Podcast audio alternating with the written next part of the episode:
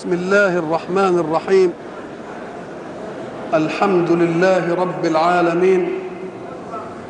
والصلاة والسلام على أشرف المرسلين وخاتم النبيين ورحمة الله للعالمين سيدنا محمد وعلى آله وصحبه أجمعين. وبعد فقد وقفنا في اللقاء السابق عند قول الحق سبحانه أعوذ بالله من الشيطان الرجيم. وإذا رأيت الذين يخوضون في آياتنا فأعرض عنهم حتى يخوضوا في حديث غيره. وإما ينسينك الشيطان فلا تقعد بعد الذكرى مع القوم الظالمين. وقلنا إن هذه الآية نزلت بعد قول الحق سبحانه أو جاءت بعد قول الحق سبحانه لكل نبأ مستقر. وسوف تعلمون. وقلنا إن النبأ هو الخبر العظيم المدهش. ولا أعظم من تجلي السماء على الأرض بمنهج جديد ينقذها مما فيه من ظلام. عاما لكل زمان ولكل مكان. وقلنا إن النبأ العظيم هو الذي قال الحق عنه أعوذ بالله من الشيطان الرجيم. بسم الله الرحمن الرحيم عما يتساءلون عن النبأ العظيم الذي هم فيه مختلفون نعم هو نبأ عظيم لأنه يخلص دنيا الناس من جبابرة الأرض. ويلفت كل الناس إلى منهج يخرجهم جميعا من أهوائهم. فلا أضر بالمجتمع من أن يتبع كل واحد هواه. لأن هوى كل نفس يخدم شهواتها والشهوات متضاربة. فإذا حكم كل إنسان هواه فلن تجد في الأرض قضية متفقا عليها. ولذلك تحمل الحق سبحانه وتعالى عن الخليفة في الأرض وهم الناس أن ينظم لهم أمرا تختلف فيه الأهواء. وأما الأمر الذي تلتقي فيه الأهواء فترك لكل إنسان هواه في أن يفكر في سر الكون. ومادية الأرض ليستنبط بالعقل الذي خلقه الله.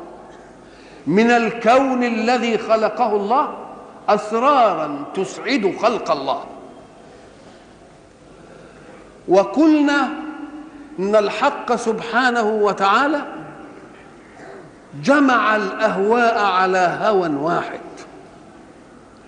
وواقع الحياة يؤكد لنا هذه القضية. فإن العقول البشرية الطموح حينما فكرت في مادة الكون واستنبطت أسراره التقت أهواؤها عند قضايا علمية. لا تختلف المعسكرات كلها فيها بل تلتقي التقاء يحتم على بعضها أن تسرق من البعض الآخر ما توصلت إليه من سر وعلم. ولذلك قلنا لا نجد في عالم المادة وعالم المعمل وعالم التجربة كهرباء روسية وكهرباء أمريكية ولا كيمياء إنجليزية ولا كيمياء فرنسية بل هو شيء واحد مأخوذ من مادة الكون اتفقت عليه كل المذاهب التجريبية بلا خلاف فيها. وذلك هو الأمر الذي ترك الله فيه الناس أحرارا. يفكرون وينظرون ويتأملون ويبتكرون ويصلون إلى أسرار في الكون تخفف عنهم تبعات الحياة وتؤدي لهم غايات السعادة في الوجود بأقل مجهود. ويتمشى الأمر في أن كل معسكر مهما اختلف مع المعسكر الآخر يحاول أن يتلصص على منتجاته. ليعرف كيف وصل إلى هذا السر. ولكنه من ناحية أخرى وجد الصراع العنيف الذي لن يهدأ أبدا وهو صراع الأهواء فيما لم تحكمه تجربة مادية. لذلك يختلفون راسماليه اشتراكيه شيوعيه وجوديه كل هذه المسائل لا تحكمها تجربة ولا يحكمها معمل. ولذلك اختلفوا فيها. ومن المؤسف أنهم استغلوا ما اتفقوا فيه من ابتكار نظريات في الكون وقوانين في فرض النظم التي اختلفوا عليها. الحق سبحانه وتعالى ترك عقول الخلافة في الأرض حرة في كل ما يخضع للتجربة المادية. ورسول الله صلى الله عليه وسلم وضع بنفسه المبدأ. لأن الإسلام جاء في إسر ديانة استغل القائمون على أمرها من الكهنة أن يفرضوا سيطرة الكهنوت على العقل البشري في أسرار الكون. فوقفوا أمام العقول الطموحة. وقتلوا العلماء المفكرين. ولم يشاءوا أن يفرقوا بين علم تتفق فيه الأهواء لأنه علم تجربة ومعمل وبين علم تختلف فيه الأهواء لأنه من مفروضات كل ظالم أو متجبر. رسول الله جاء بعد هذه المسألة فأراد أن يضع حدا حتى لا يعطي لخلفائه من العلماء سلطة تحجر على العقل أن يفكر. ولا على التجربة أن تؤتي أكلها في كل حين. وشاء أن يجعل التجربة في نفسه شخصيا حتى لا يستطيع أحد أن يدعي لنفسه سلطة على العقل البشري الباحث في أسرار الكون والمادة والمعمل. فسألهم لماذا تؤبرون النخل؟ تلقحونه. تأخذون من الذكر لتلقحوا الأنثى. فقالوا لأننا لو لم نفعل ذلك التلقيح لفسد التمر. فقال لو تركتموه لصلح. قالها صلى الله عليه وسلم وهو على ثقة من أنه لا يصلح. فلما جاء الواقع وشاص التمر قالوا له ما قالوا؟ فقال أنتم أعلم بشؤون دنياكم. ذلك هو إطلاق حرية العقل في المعمل وفي التجربة وفي المادة. لأن الكنيسة حينما فرضت ذلك في العصور الوسطى قتلت كل طموح فتأخرت أوروبا. وفي العصر الذي تأخرت فيه أوروبا وسموه عصر الظلمات كان المسلمون في الشرق في عصر النور. لأنهم عرفوا مقدار كل عقل ومجال استعماله واستنباطه. فالحق سبحانه وتعالى جاء بهذا الدين وهو النبأ العظيم وقال فيه إياكم أن تؤخذوا بأن الدين بدأ ضعيفا وأن الذين آمنوا به قلة مستضعفة لا يستطيعون حماية أنفسهم بل يلتمسون الحماية عند ملك غريب في الحبشة. ويستلهمون الحماية من كل قوي يحتضنهم قال صلى الله عليه وسلم مقالة ربه لكل نبأ مستقر. ومعنى مستقر يعني ميلاد يستقر فيه. وكل حدث في الكون يتطلب ظرفين ظرف زمان وظرف مكان. ومعنى لكل نبأ مستقر لا تتعجلوا الأحداث. ولا تجهضوها. فإن شاء الله سيكون لهذا الدين انتشار. وهذا الانتشار له ميلاد في زمانه وميلاد في مكانه. أما زمانه فإلى أن تقوم الساعة. وأما مكانه فالأرض كلها. لأن رسول الله جاء رسولا للناس كافة وخاتما للنبيين والمرسلين. فقال لكل نبأ مستقر. ويؤيد القضية بأن الواقع سيشهد بذلك وسوف تعلمون.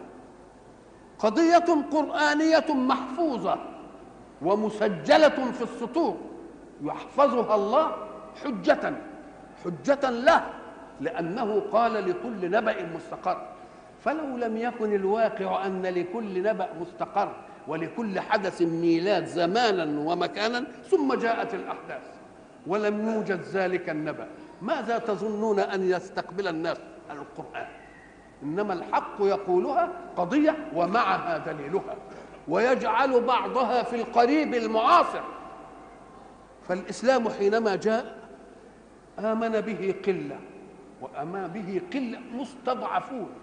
فلما نزل قوله سبحانه سنسمه على الخرطوم سيهزم الجمع ويولون الدبر. قال عمر بن الخطاب أي جمع هذا؟ سيهزم الجمع ويولون الدبر. نحن مستطيعين نحمي أنفسنا. أي جمع هذا؟ فلما جاء يوم بدر ورأى مصارع القوم كما خطها رسول الله. قال صدق الله لقد هزم الجمع وولوا الدبر. تلك قضية قريبة. أراد الحق سبحانه وتعالى أن يعطيها للناس حتى يتأكدوا من قوله وسوف تعلمون. وقد علمت الدنيا وانتصر الإسلام وجاء لكل نبأ مستقر. الزمان والمكان. الحق سبحانه وتعالى يربي حامل الدعوة الأول وصحابته منطقا ليسايروا به أحداث الكون. كل دين ينزل إنما ينزل بعد فساد يعم الأرض. لأننا قلنا سابقا أن الحق سبحانه وتعالى جعل في كل نفس بشرية تعادلا من نفسها. فإذا اشتهى الإنسان شهوة يحرمها دينه وقضاها وهدأت شرة المعصية في نفسه تنبه فيه الوازع وأنب نفسه وعاتبها ووبخها ولكن قد تستمرئ النفس الشهوات وينعدم ذلك الوازع في النفس. يقول إن انعدم في واحد فلن ينعدم من مجتمع. يبقى يوجد مجتمع يحمل الناس على المعروف. وإذا استولت شهوة على فرد جاء أخوه وزميله ومجتمعه فوجهه إلى الخير. طب وإذا فسد المجتمع من حوله أيضا؟ لا وازع من نفس ولا رادع من مجتمع. ماذا يكون الموقف؟ لا بد أن تتدخل السماء برسول جديد ومنهج جديد. فإذا ما تدخلت السماء برسول جديد ومنهج جديد يحذر حملة ذلك المنهج. ليقول لهم أنكم تواجهون باطلا. عض الناس والباطل حين يعض الناس ينتفع به أهل الباطل ويشقى به أهل الحق. فلكل فساد منتفعون وإلا فأي فساد يوجد في الكون لا بد فيه من طبقة منتفعة بهذا الفساد. وحين توجد الطبقة المنتفعة بالفساد حين توجد كلمة الحق ينظرون إلى نفوسهم وإلى أنهم سيصبحون كبقية الناس. وإلى أن نفعهم بذلك الفساد سينتهي عهده وامده فلا بد أن يقفوا ليحافظوا على مكانتهم في المجتمع. فبذلك عادوا كل دين جديد. ولا يتبعه إلا المستضعفون القلة. وأهل البصيرة من أهل القوة حتى لا يقال إن الدين لا يأخذ إلا أراذل الناس. يقول الحق سبحانه تاديبا للمؤمنين وتهذيبا لغير المؤمنين؟ وإذا رأيت الذين يخوضون في آياتنا يعني اعلم أن ما جئت به سيخاض فيه. ويقال مرة في القرآن سحر ومرة أنه شعر ومرة أنه كهانة ومرة أنك أنت كذاب. هيقولوا كلام زي ده كتير قوي قوي ليه؟ أم قال لك لأن هؤلاء هم المنتفعون بالفساد. فإذا ما جاء مصلح فيجعلونه عدوا له فأنت لك موقف أول وهو أن تحافظ على شيئين. الشيء الأول أن الذين اتبعوك وهم ضعاف لا تحملهم. طاقة أن يقفوا وهم ضعاف أمام القوة الظالمة.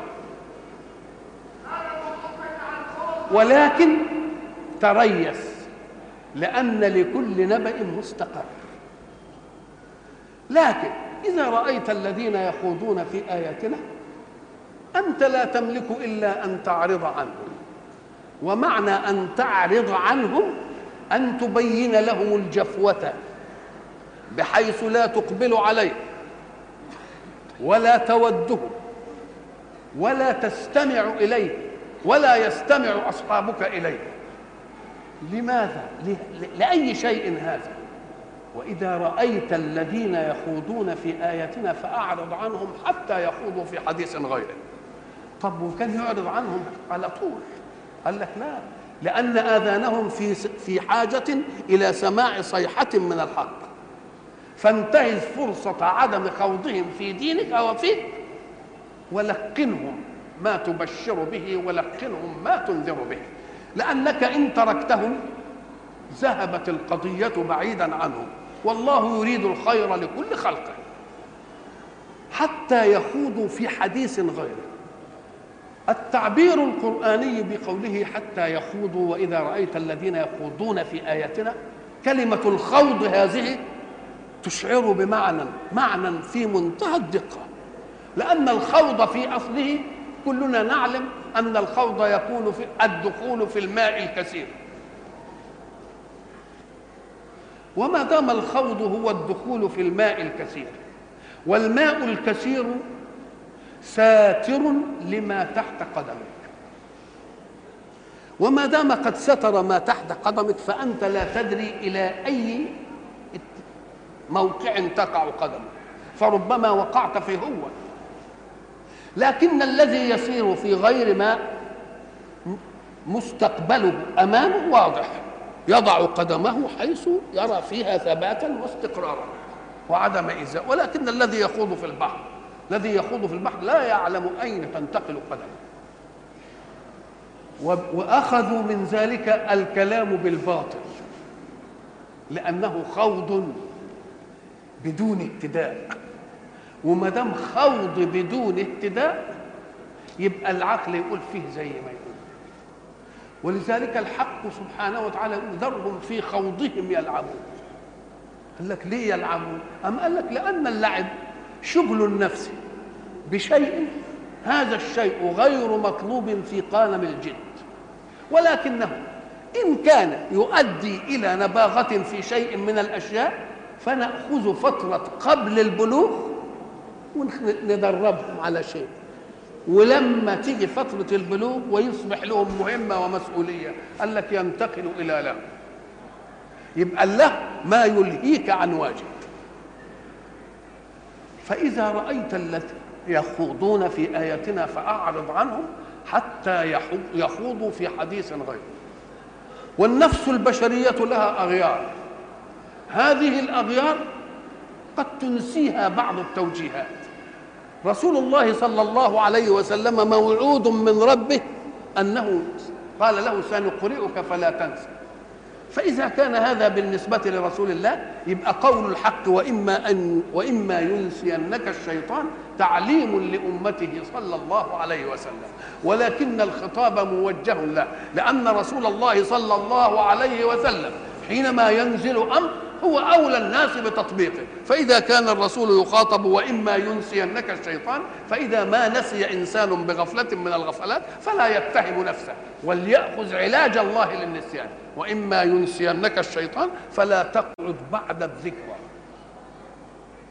إذا الحق سبحانه وتعالى احترم خلقه.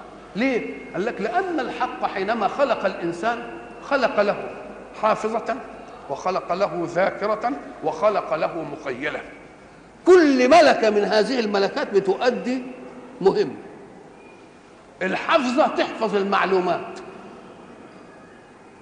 والذاكرة تأتي بالمعلومات المحفوظة القديمة لتجعلها في بؤرة الشعوب.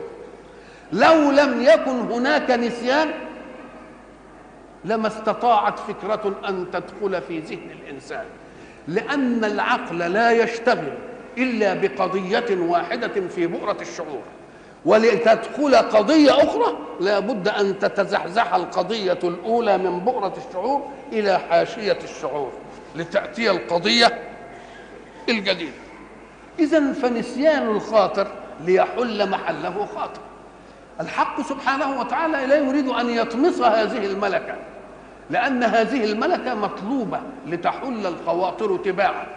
فإذا ظل الإنسان ذاكرا لقضية من القضايا في نفسه محال أن تدخل قضية جديدة أخرى. ولذلك إحنا نفت... لو انسان منا يتذكر شيء حصل من عشرين سنة. طب أين كان هذا الشيء مدة عشرين سنة؟ ولا يمر بخاطرك إلا فجأة.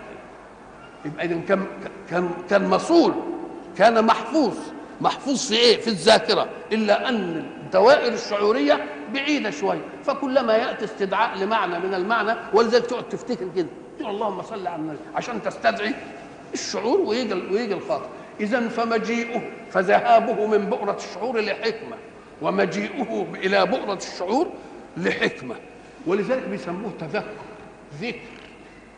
وإما ينسينك الشيء فلا تقعد بعد الذكرى طب اشمعنى هنا النسيان منسوب للشيطان؟ أم قال لك لأن حقائق الحق في دينه الصدق يجب أن لا تغيب عن بال المؤمن أبدا. يبقى لا تغيب عن باله إلا بعمل مين؟ إلا بعمل الشيطان. والشيطان يروح جايب لك الأمر الذي تحبه ويشغلك عن أمر آخر. الشيطان ملوش سلطان عشان يفرض عليك خاطر ولا يفرض عليك مقولة عقلية. إنما الشيطان بس يمسكك الخيط. ولكن أنت تروح كارر الخيط لذلك يجي لنا ناس كتير يقول لك أنا في الصلاة أفتكر المسائل اللي مش عارف إيه. نقول له طبعا ما هو لازم تفتكرها ليه؟ ما قال لك لأن الشيطان رب يعني قصته مع الحق سبحانه وتعالى قال له لاقعدن لهم صراطك المستقيم. اذا الشيطان ما بيقعدش في الخمارات ما بيقعدش في البارات ما بيقعدش في الكباريهات إنما بيقعد فين؟ في ملاقف الخير عند المساجد مع الناس الطيبين. علشان إيه؟ هم دول اللي هيفسدوا عليه منهجه. إنما الفائد من نفسه ده مش عايز الشيطان. مش عايز الشيطان. ولذلك يقول لك يا أخي إذا كانت بقعة من الأرض موجودة تقوم تجد إلا على غير دين الإسلام الأقلية بينهم وبين بعض مودة بينهم وبين بعض إيه؟ رحمه بينهم وبين بعض التقاء بينهم وبين بعض تعاون يقول لك ويعملوا كذا لبعض ويعملوا كذا لبعض ويعملوا كذا. والمسلمين مالهم؟ بيختلفوا ويعملوا ويعملوا. نقول له أيوه لأن الشيطان فاضل المؤمنين لأنه هو اطمأن على در حين النار انتهت المسألة. خلاص. يبقى لا عمل له إلا هنا. يبقى الإنسان لازم يتنبه. يتنبه إلى أن يجي له الخاطر في الصلاة نقول له آه أهو الخاطر ده جالك علشان يعمل إيه؟ عشان يشغلك عن لقائك في حضرة ربك. فلو أن المؤمن تنبه وتعلم عن الله الذي خلقه وخلق الشيطان وخلق هواجس النفس وإما ينزغنك من الشيطان نزغ فاستعذ بالله. ساعة ما تيجي إن شاء الله تكون بتقرأ القرآن. تقول الرحمن الرحيم وجي يقول أعوذ بالله من الشيطان وتقولها بانفعال هذا الانفعال العاطفي يؤكد للشيطان أنك قد تنبهت إلى مدخله في نفسك فإذا ما فعلتها مرة ومرة ومرة هيقول الشيطان إيه؟ يقول ده فاسري ويبعد عنك إنما شيء الشيطان كل ما تجيله بخاطر كده يروح يروح جايبك. خلاص انتهى. ولذلك ستكون حجة الشيطان قوية يوم القيامة.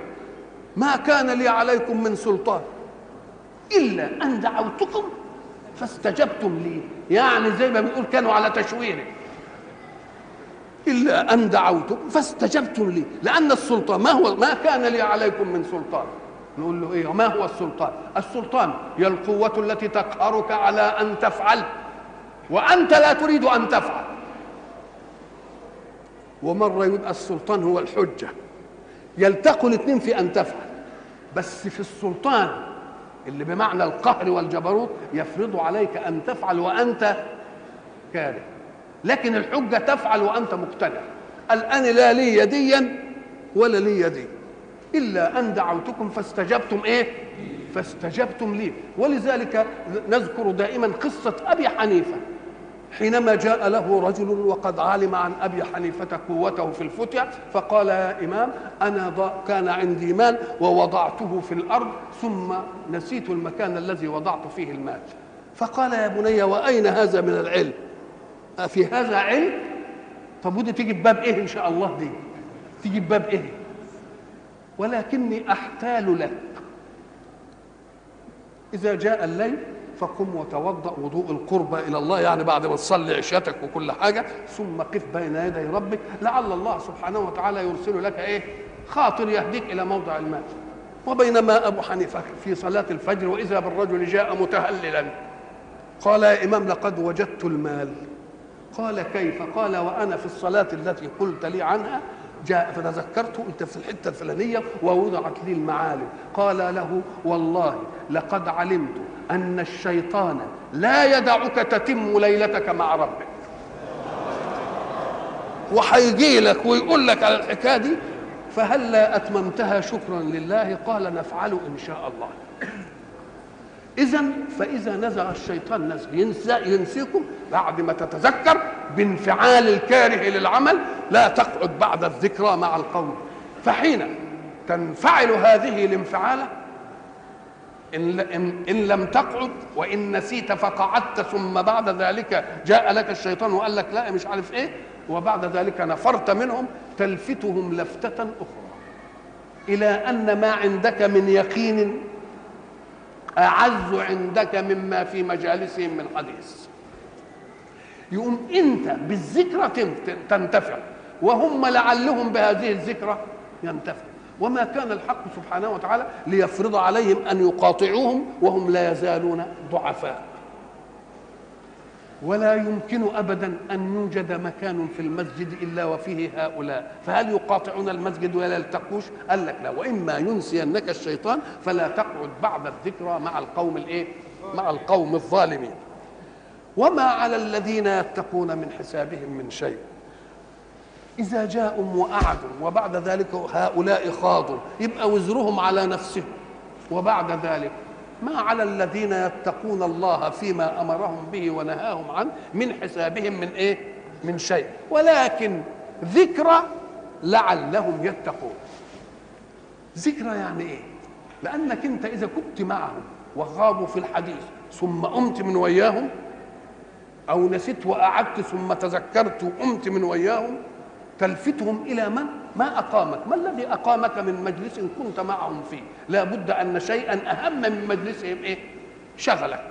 فاذا تلفتهم بهذه الذكرى ليتذكروا منطق الحق وأن هؤلاء عرفوا أن الحق خير مما هم فيه. وذر الذين اتخذوا دينهم لعبا ولهوا. قلنا اللعب هو الاشتغال بما لا يفيد لقتل الوقت. ودي قلنا مجالها قبل التكليف إنما إذا شغلك عن شيء مطلوب منك يبقى إيه؟ يبقى له لأنك لهيت به عن شيء واجب منك. وغرتهم الحياة الدنيا. غرتهم الحياة الدنيا. الحياة الدنيا كلمة دنيا أظن ما فيش بقى أحسن تصوير من كده. شوف اللي غرهم حياة ودنيا. تبقى إيه العقول اللي غرتهم فيها الحياة الدنيا دي؟ تبقى عقول تافهة. ليه؟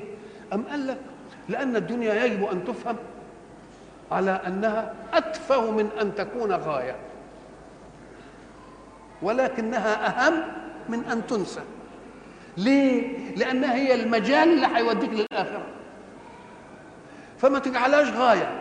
ليه؟ أم قال لك لأن آفة الناس أن يجعلوا الوسائل غايات.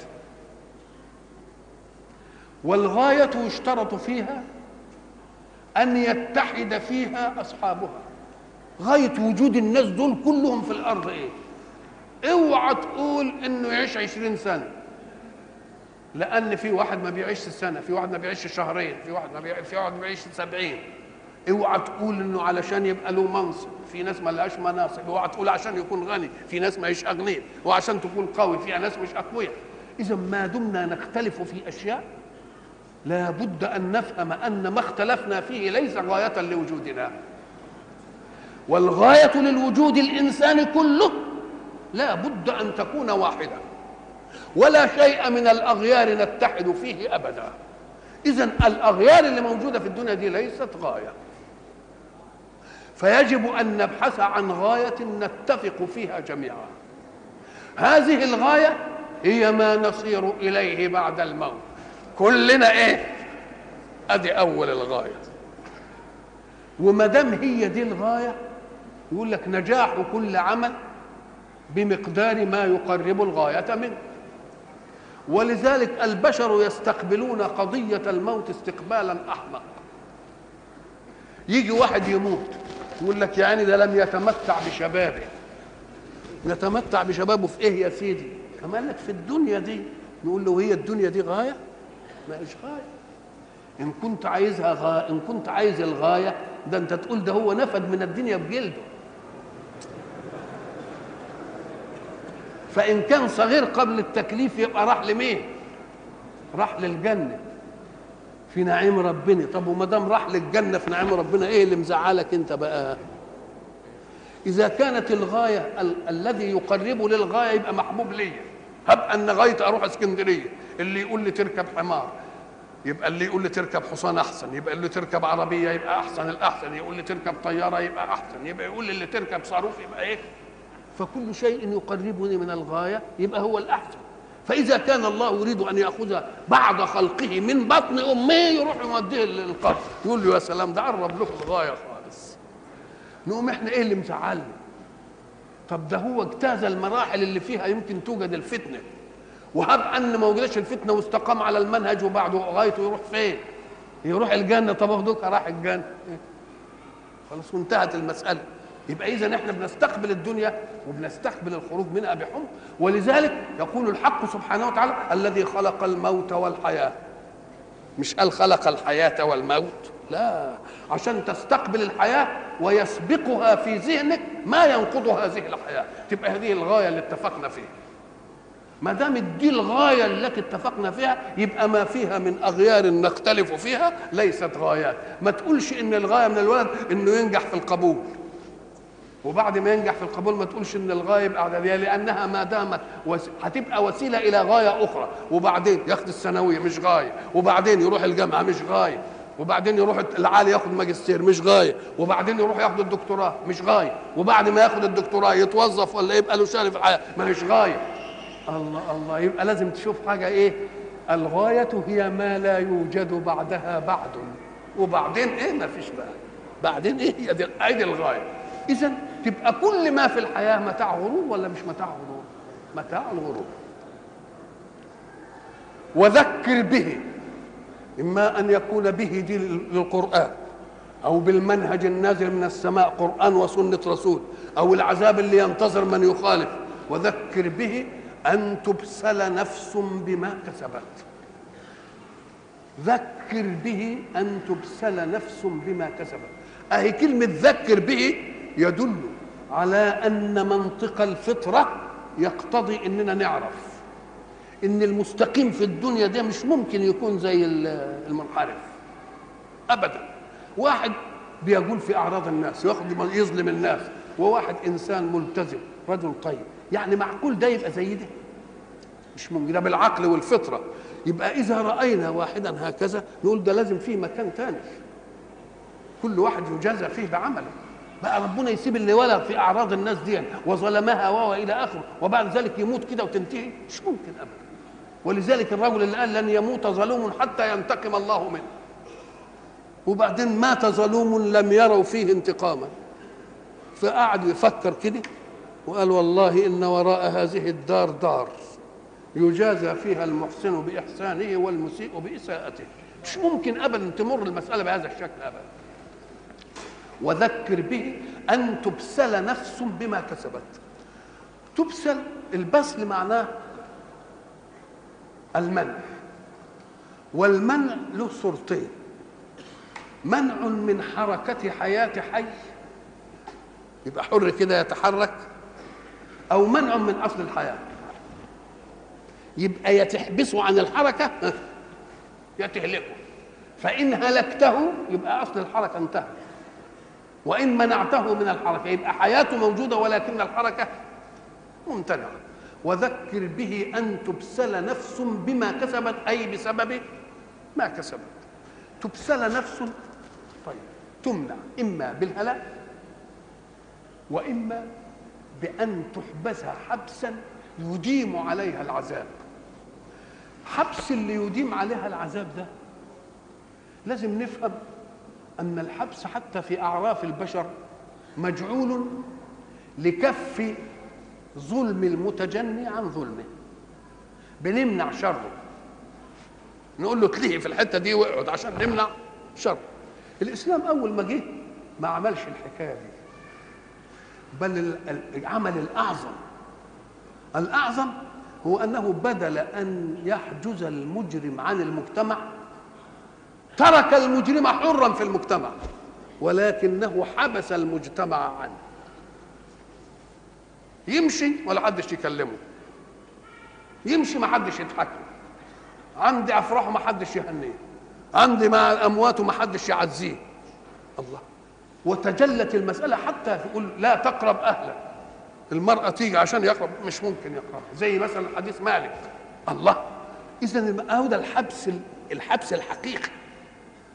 حتى إنه هو يقول ان إنا تصورت السور على ابن عمي فسلمت عليه فما رد علي السلام. فقعد يبكي. وبعد ذلك جاء الأدهى ومنعه عن امرأته ومنع امرأته عنه. هذه العظمة. مش إن تسجن المجرم لا. اسجن المجتمع عن المجرم. وذكر به أن تبسل نفس بما كسبت. أن تحبس أو أن تهلك بسبب ما كسبت. ما كسبت إحنا نعرف إن الكسب في اللغة معناه زيادة على رأس المال. هذا الكسب. الزيادة عن رأس المال دي فيها اشتقاق تاني يقول لك اكتسب. ومرة يجوا الاثنين في معنى واحد. قام قال لك أيوه كسب واكتسب فيه افتعال شوية. افتعال يعني إيه؟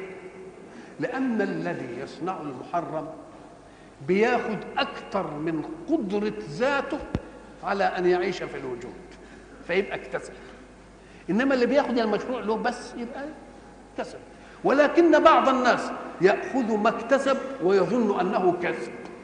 هذا هو الشر في واحد يكتسب يفتعل الكسب وياخذه من غير محله المشروع ولكنه يحلله لنفسه. بيعتبره إيه هو؟ بيعتبره كسب مش اكتساب. ولذلك لها ما كسبت وعليها الله. لها يبقى في صالحها وعليها ضدها. طب دي كسبت ودي اكتسبت. لأن كسب ما فيش فيه افتعال إنما اكتسب فيه افتعال. ولا شك أن من أخذ غير حقه يبقى فيه افتعال كتير. خلي واحد قاعد كده وفي وسط الست بتاعته وأمه وبناته. وقاعد يبص لهم بص عادي. طب خليه واحدة أجنبية وعايز يبص لها بقى. شوف شوف كم انفعال يختلف عنده. يبص كده من تحت مش عايز حد يشوفه. عمال يعمل انفعالات تتعبه. وتتعب جاره. وبص وشوف حد شايفه ولا مش شايفه. ودي مش عارف الله. اذا دي فيها افتعال. إنما اللي بينظر إلى حلم أمر تصنعه الملكة وتصنعه الآلة بدون أي شيء. إذا فالاكتساب واحد مثلا عايز يروح المكان بتاعه مثلا المحل وياكل أي حاجة مثلا المطبخ. طب خلاها تكون إيه خدامة وعايزة بقى تاخد حتة حاجة من قلب المطبخ. تصل حد شايف ولا مش شايف؟ تقول مش عارف إيه. تعد الحتت تقول لك يمكن عداها. تاخد من كل حتة حتة. مسألة. اذا انفعال. اذا اللي بيعمل أعمال ما هياش مقننة؟ يعمل إيه؟ بيتعب جوارحه. بيتعب جوارحه عشان يرضي جارحه. أو يتعب ملكاته عشان يرضي علشان يرضي ملكة واحدة. إنما اللي ماشي اللي بك... طبيعي ده. ما فيش ابدا إلا ملكة واحدة تصنع ما هي بصدده. وذكر به أن تبسل نفس بما كسبت. ليس لها من دون الله ولي ولا شفيع. وإن تعدل كل عدل لا يؤخذ منها. الله ليس لها من دون الله ولي ولا شفيع ولا يقبل منها عدل اللي هو الفدية. طب نشوفها كده بالمراحل. ما هو الولي؟ هو الذي ينصرك. إن كنت في مأزق كده يجي بجنبك وينصرك. طب ما يقدرش ينصرك. أم قال لك يشفع لك عند من ينصرك؟ يبقى دي مرحلة تانية. ما قدرش ينصرك بذاته يبقى ينصرك بإيه؟ بإنه يشفع عند من يستطيع أن يعمل طب لا ده موجود ولا ده موجود نقول ما ندفع الفدية وخلاص قال لك لا دي موجودة ولا دي موجودة ولا دي إيه؟ يبقى سدت أمامه كل سبل النجاة لا ولي ولا شفيع ولا يقبل منها إيه؟ عدل أولئك الذين أبسلوا بما كسبوا أهلكوا أو حبسوا في الجحيم حبسا لا فكاك منه لهم شراب من حميم. كلمة شراب إذا سمعتها تفهم الريح لا يقول لك اوعى على كلمة شراب دي وبعدين قال من حميم. علشان يعمل إيه؟ قال لك في حاجة اسمها انبساط وانقباض. الشيء الذي يسرك تنبسط له نفسك والشيء الذي يحزن تنقبض له نفسك. لو أن المحزن جاء بداية لانقبضت النفس من مثالها الطبيعي. لكن إذا ما سرت النفس فانبسطت ثم جاء لها ما يقبض يبقى عندها ألمين اثنين الألم الأول إن السرور زال الألم الثاني إن الحزن جه. ولذلك يقول لك شراب بس اسمع بقى يقول لك لهم شراب يقول لك يا دي إحنا هنشرب. يقول لك لا ده الشراب من حميم. ولذلك تسمع القرآن بقى بيقول إيه يصور الصورة دي. وإن يستغيثوا يغاثوا؟ طب إن يستغيثوا يغاثوا طب ما تبقى حاجة كويسة. طب يغاثوا إيه؟ بماء إيه؟ كالموت. يبقى حصل انبساط النفس حين قال وإن يستغيثوا إيه؟ والذي يستغيث به ماء كالماء إيه؟ كلمة زي ما يقول فبشرهم. بشرهم يمكن هيجي لهم عفو ولا يجي لهم أي حاجة ولا رحمة ولا أي حاجة. يقول لك فبشرهم فتنبسط أساريرهم بكلمة البشارة. وبعدين يقول إيه؟ بعذاب. شوف الانقباض بقى. شوف الانقباض. يبقى جه الانبساط وجه إيه؟ وجه الانقباض. ودي سنة من سنن الله في التأديب. سنن الله في التأديب. لما يجي مثلا واحد ربنا عمل مظالم كثيرة كثيرة كثيرة وبعد ذلك يريد الله أن ينتقم منه. قال لك ما ينتقمش منه كده وهو على الحالة الطبيعية. ده لازم يخليها تزهزه له ويرتفع كده وياخد حظه وبعدين يجي إيه؟ يجي له لأن ما فيش واحد اما يقع من على الحصيرة هيقع من على الحصيرة. لا لازم يعليه شوية على كرسي ولا على بتاع. وكل ما يعليه كده وبعدين يجي. ولذلك إيه؟ فلما نسوا ما ذكروا به. فلما نسوا ما ذكروا به. عملنا فيهم إيه؟ قال فتحنا عليهم أبواب كل شيء. فتحنا عليهم ساعة ما تسمع فتحنا عليهم دي أنت تخاف من الفتح ده. لأن الفتح هيبقى عليه مش له. ولذلك دي يقول إن فتحنا لك. إنما فتحنا عليهم يبقى خير بس هيجي له بعده إيه؟ هيجيبوا متاع فتحنا عليهم أبواب كل شيء. حتى إذا فرحوا بما أوتوا أخذناهم. يبقى الهدر كبير ولا مش كبير؟ لهم شراب من حميم وعذاب أليم بما كانوا يكفرون.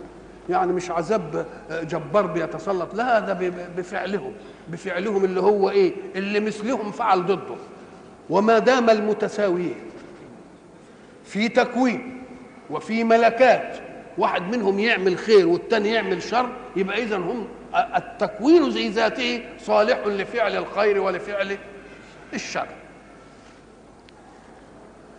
قل أتدعون من دون الله ما لا ينفعنا ولا يضرنا.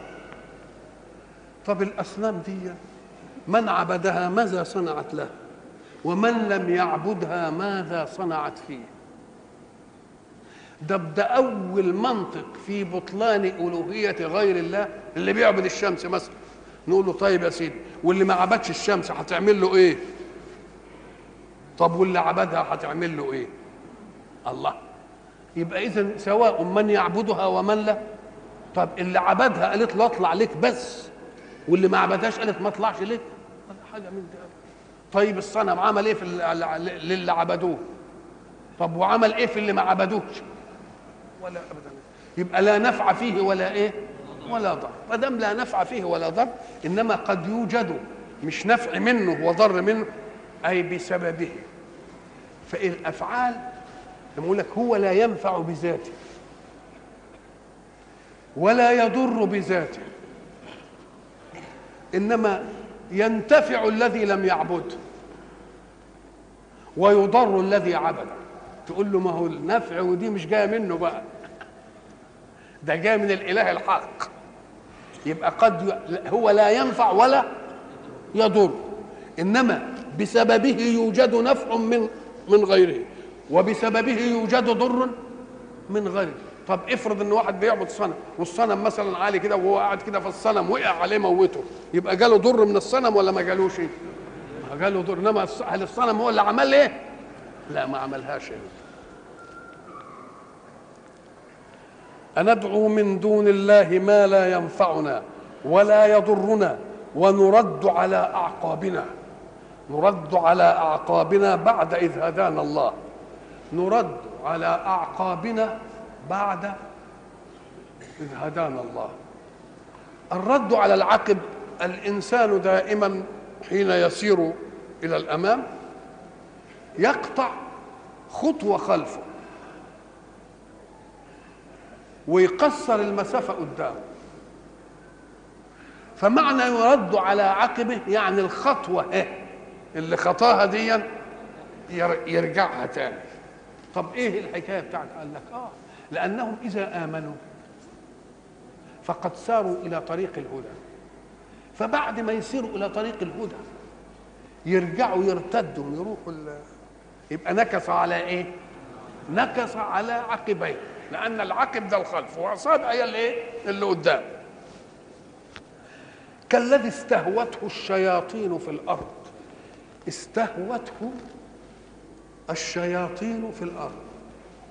اولا كلمة شيطان نعلم أنها عاصي الجن. لأن الجن جنس مقابل للإنس. وما دام الإنس فيهم طائعين وفيهم عاصين وكذا فكذلك الجن فيهم طائعين وهم عاصين. إنا سمعنا قرآنا إيه؟ يهدي إلى الرشد وبعدين قالوا وإنا منا وإنا منا وإنا منا يبقى زينا تمام. منهم طائع ومنهم ومنهم عاصي. العاصي منهم يسموه إيه؟ شيطان. كالذي است... إيه اوعى تقول للشيطان ده أنا ما بشوفوش. نقوم نقول لك لا الأشياء التي ذكرها الله في عالم الغيب من عالم الغيب حجة وجودها تصديقك لمن قال عنها. حجة الوجود. هو قال فيه شياطين. وقال فيه إيه؟ وفيه وفيه فرق منطقي وفلسفي بين وجود الشيء وبين إدراك وجود الشيء. الذي يتعب الناس أنهم يريدوا أن يوحدوا بين وجود شيء وبين إدراك الشيء. وهناك فارق بين أن يوجد أو يدرك. قد يكون موجودا ولكنه لا يدرك وإلى لقاء آخر إن شاء الله.